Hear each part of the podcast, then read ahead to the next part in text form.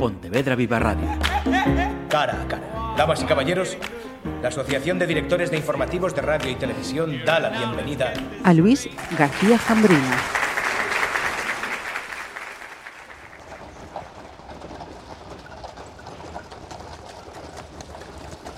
Nos habían prometido la gloria, pero nada saldría como nos habían asegurado. Nosotros, sin embargo, no lo supimos ver. Por eso nadie podía imaginar, cuando llegamos a Salamanca para defender la causa española, lo que sucedería poco tiempo después. Nada en el horizonte lo hacía presentir ni presagiar. Las tropas de Napoleón habían invadido Portugal y habían aprovechado su paso por la península para ocupar también Madrid y otros lugares, como sus aliados que eran, los españoles les habían dejado la llave para que pudieran pasar por su territorio, pero ahora los franceses se querían quedar también con la casa. Dado que el pueblo luso era un antiguo amigo de Gran Bretaña, ésta había decidido acudir de inmediato a su auxilio. España, por su parte, a pesar de ser un tradicional enemigo de los ingleses, había requerido también su ayuda para librarse de los franceses. Y allí estábamos nosotros, pues al Reino Unido no le interesaba que Francia creciera y se adueñara del continente europeo. Ese 13 de noviembre de 1808 había amanecido soleado, sin una sola nube. Aunque hacía algo de frío, el viento apenas soplaba y daba gusto caminar por el sendero ligeramente embarrado. Nos habíamos puesto en marcha muy temprano, con las primeras luces del alba, con el fin de llegar a nuestro destino antes de que la jornada acabara. En la anterior Habíamos atravesado un extenso bosque rumoroso y por la noche no pararon de aullar los lobos, que parecían demasiado cercanos y apenas conseguí dormir. Conforme avanzábamos, la vegetación fue desapareciendo y el paisaje no tardó en convertirse en una llanura parda y polvorienta sin apenas árboles, ni arroyos, ni poblaciones, muy diferente, por tanto, al de mi Irlanda natal.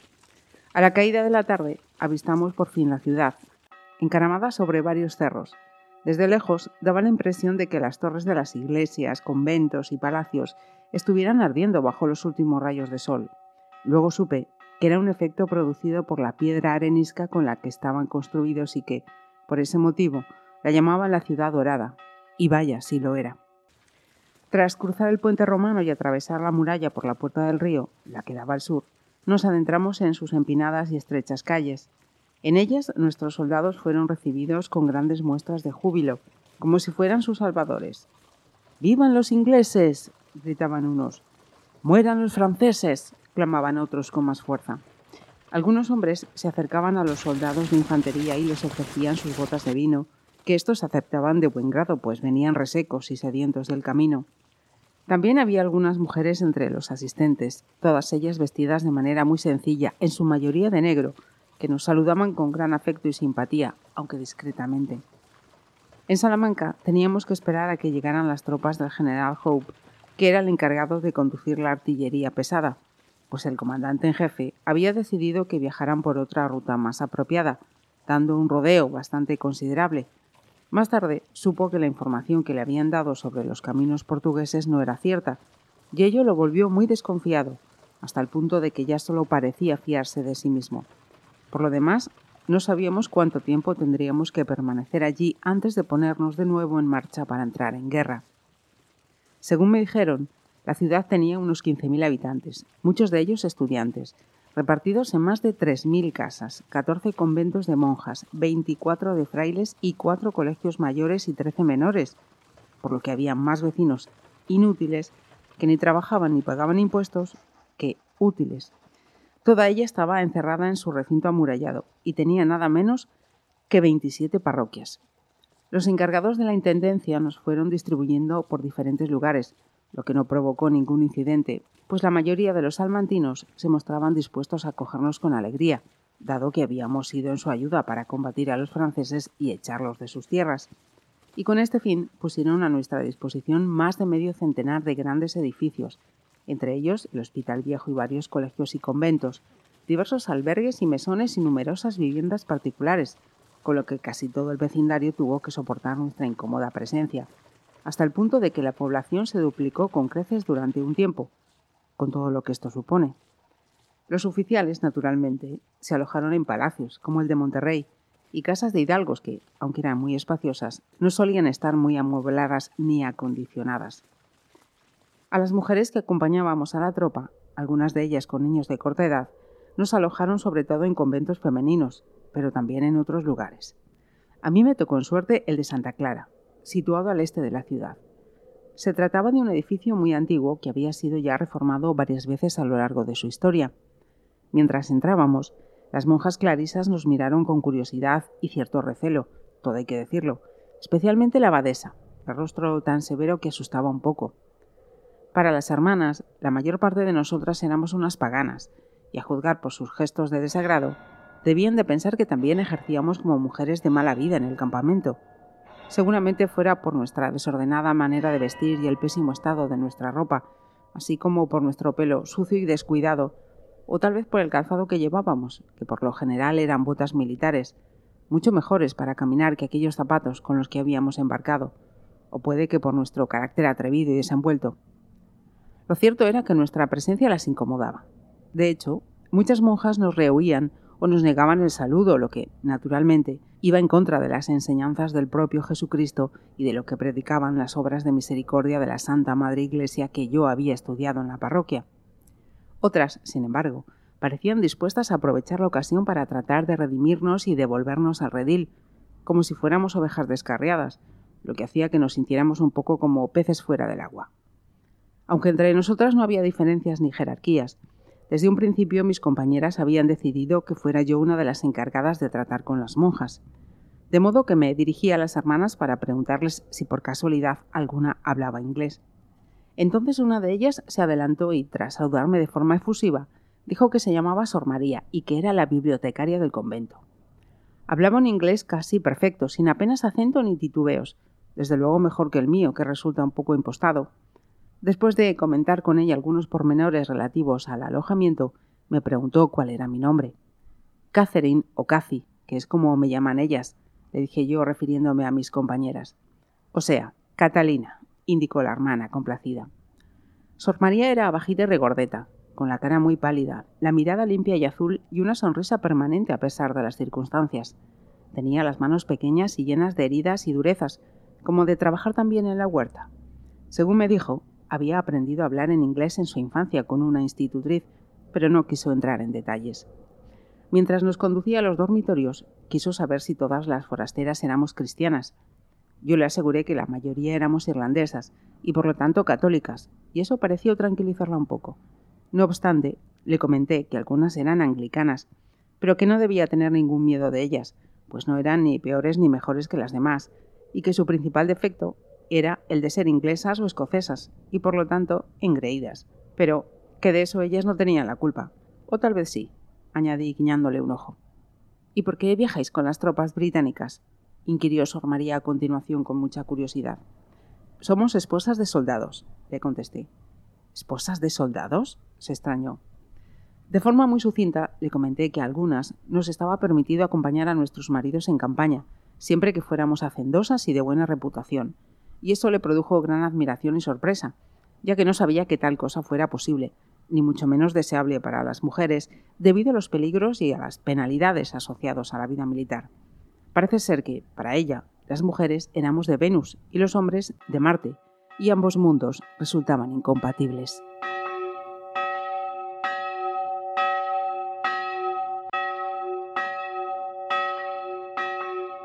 Luis García Zambrina nos lleva así en la guerra como en la paz por tierras de Castilla y de camino al oeste por tierras gallegas. Pero antes y después también hay unas páginas por las islas del Reino Unido.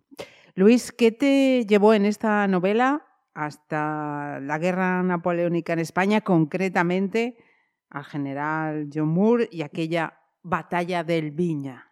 Sí, bueno, pues sobre todo yo entré en contacto con esa historia en tierras de, Galicia, que es donde se sitúa buena parte de la novela. Primero en Coruña me topé con hace ya años con esta figura de John Moore, que para ellos es un héroe y rodeado además siempre de, un halo de romanticismo eh, eh, eh, exagerado, ¿no? Y luego me topé también haciendo un recorrido por los mismos lugares por donde habían pasado las tropas británicas en la provincia de Lugo, pues me encontré ya con, con con esta retirada de John Moore tan, tan terrible, ¿no? Que, que tiene lugar en el invierno de 1808-1809. Y bueno, ya para primer contacto en, en estos lugares, empecé a leer todo lo que me mandara, mandado, me mandó un historiador y lo que cayó en mis manos sobre este sobre esta retirada, ¿no? que es impresionante. Son además relatos en primera mano de lo que de lo que ahí ocurrió. Y por último me topé con algo que me llamó la atención y que me brindó un poco el enfoque, la manera de contar la historia, que es eh, que en esa, en el ejército británico en aquella época, pues también eh, había mujeres, vamos, mujeres esposas de soldados que podían acompañar a sus, a sus maridos en las campañas, ¿no? Eso me llamó la atención, porque claro, en, en, en una batalla pues las mujeres estarían en la retaguardia, pero en una retirada no había retaguardia, todo el mundo padeció los mismos sufrimientos y los, corrió los mismos peligros. Y yo eh, fui leyendo testimonios que nos hablaban un poco de la situación de estas, de estas mujeres. estas mujeres ¿no? Por ahí quería... Y eso es un poco lo que ya me lleva a, esta, a esta novela, ¿no? Porque Perdona que te interrumpa, pero precisamente por ahí quería, quería ir, ¿no? Porque nos encontramos con una heroína destacada sobre, digamos, unas heroínas corales, todas esas mujeres que, que, nos avanzabas ahora y que seguro que quien se acerque a estas páginas mm, va a quedar sorprendido por el papel que, que jugaron, cómo, cómo lo, lo pasaron también en, en, esta, en esta batalla de, de la que nos hablas. Sí, claro, es la misma sorpresa que me llevé yo en su día, ¿no? Una vez que ya conocí eso, esos acontecimientos trágicos de esa retirada, en los lugares por donde había discurrido, me encuentro con esto, ¿no? ya, eh, si no hubiera sido por esto, a lo mejor no hubiera escrito la novela, pero esto me sorprendió mucho. De, de hecho, me dediqué a investigar, bueno, cómo era posible que, que, se permitiera a las esposas, que a veces iban con sus niños pequeños recién nacidos, ¿no? y, y, bueno, empecé a leer, eh, a llegar a leer hasta algunas tesis doctorales que hablaban un poco de estas mujeres, de su procedencia, de, de su clase social, de por qué eh, eh, querían acompañar a sus maridos, de las labores que luego hacían en el ejército, en el campamento, y eso es lo que ya me lleva a adoptar esta perspectiva, ¿no? Elegir una de esas mujeres como representativa. Como acabas de decir, las mujeres eran un conjunto, ¿no? y la mayoría no tienen nombre en los testimonios que hay sobre ellas, solo alguna. Pero yo quise concentrar en una de ellas, darle voz a una de ellas. En, primer lugar, porque la mayoría, además, o casi ninguna sabía escribir, leer, escribir. Alguna, excepcionalmente, había que sí sabía y bueno, pues, elegí una de ellas a la que le atribuí pues muchas cosas que yo había leído en esos testimonios sobre estas mujeres, porque quería que fuera la voz ¿no? de, estas, de estas mujeres hablando de esa, de esa retirada. Me interesaba mucho la mirada de una mujer, ya sé que en los últimos tiempos es muy frecuente ¿no? encontrarnos con novelas, películas o series en las que por fin se da protagonismo a esas mujeres, pero es que en este caso es que es real, ¿no? Esas mujeres estaban ahí, esas mujeres padecieron mucho, cumplían una función importante no reconocida y nunca se les daba voz. En las crónicas históricas no aparecen, en los libros de historia tampoco, porque no hay documentación sobre ellas. Claro, de lo que no hay documentación no se puede hablar. Pero pero bueno, al menos había testimonios de primera mano y sobre todo me topé con un diario de una, no de una irlandesa como es el caso de la novela, sino de una inglesa que sí que había escrito un diario del que yo he tomado algunos datos. Pues mm, yo tengo que invitar a que eh, quien nos escuche lea, porque mm, va a quedar mm, perfectamente claro eso que nos decías, ¿no? Ese papel que hacen, esa sobrevivencia que también em, a la que hacen frente, igual que ellos, y con un, con un final, pues que, en fin, y, haciendo uso de tu título, así en la guerra como en la paz, también, también queda, quedaba silenciado. Y, dejas constancia de, de, otro hecho, además, que Da igual el, el, origen, franceses, ingleses, españoles, en la guerra la barbarie equipara a todos. Exacto. Y bueno, y, y las guerras siempre las sufren los, los mismos y, que no solo son los soldados o, en este caso las mujeres que acompañan a los soldados, sino todos esos campesinos de muchas aldeas y pueblos de Tierras de León o de Salamanca, de Zamora y sobre todo en la parte final, que fue la más dura en tierras de, Galicia, ¿no?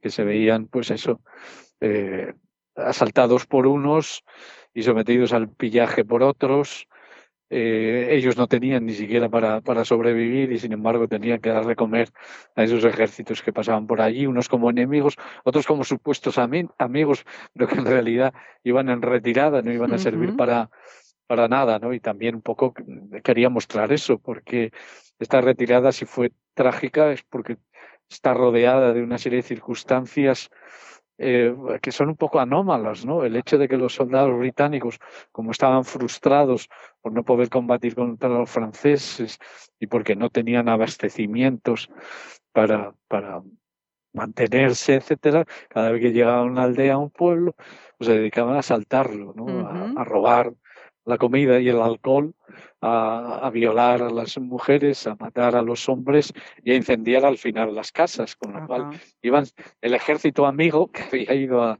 a, rescatar los de los franceses se convertía realmente en el, enemigo, porque iba a sembrando el caos y la destrucción a su paso. Desde además, entre otras cosas, porque el comandante en jefe, Sergio Moore, que fue un héroe en La Coruña, pero en la en lo que es la retirada, no supo mantener la disciplina de sus tropas, cometió muchos errores, entre otros el de no dejarlos combatir como ellos como ellos deseaban, ¿no?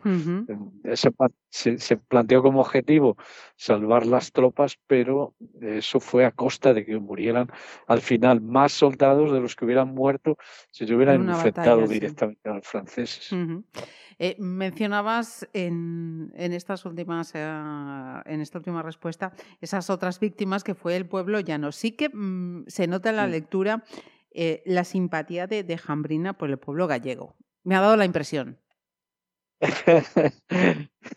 bueno, es cierto, sí, y por muchas razones de, de índole sentimental. Eh, que, no, que, no puedo, que no puedo confesar aquí, pero sí, esa querencia y ese cariño o amor, yo diría incluso, eh, existe. Y bueno, y, uno no elige por azar uh, la escritura de una novela, porque cuando escribes una novela vas a estar un tiempo con, conviviendo con esos personajes. En este caso fue una escritura rápida, pero bueno, te lleva mínimo un año, ¿no? Y si opté por esta historia y no por otras con las que me voy tropezando, fue precisamente por ese motivo, porque en mi caso había una vinculación, durante todo ese tiempo que escribía la novela, había una vinculación con Galicia mayor de la que ya eh, existía de otras ocasiones. Ya dije que además yo la historia me la topo aquí de manos de un historiador gallego, que es el que me, me da a conocer todo esto en los mismos lugares, ¿no? Donde aconteció. Y bueno, eso, eso marca. Y, y al final, pues estas novelas es un homenaje a estas mujeres que participaron sin voz y sin reconocimiento y dejándose la vida y la piel en ello, pero también es un homenaje a, a, las tierras eh, gallegas y a la cultura gallega y al mundo gallego y al paisaje que está muy presente en la novela, porque la, protagonista habla mucho. De eso los hombres, los militares que han escrito sobre la retirada prácticamente no hablan. Sí, hablan de lugares como escenarios de batallas, pero no de lo, del paisaje. Es un paisaje, hay que tener en cuenta eso, en, pleno invierno, inviernos tan duros como eran en aquella época y además especialmente duro según las crónicas, pues eh, ella se fijaba en ese paisaje que ve como algo muy hermoso, pero al mismo tiempo muy duro, ¿no? Y hasta cruel, ¿no? Sin duda. Eh, porque eso, la gente muere, en, en, ese caso muere de frío y de fatiga, ¿no? y, de, y de hambre, porque no encuentra nada que comer. O sea, no mueren por los franceses, las bajas que causan los franceses son mínimas, ¿no? Aunque es verdad que sí que el hecho de que ellos estén siempre pisando los talones hace que la huida sea todavía mucho más, más terrible. Urgente, sí, sí.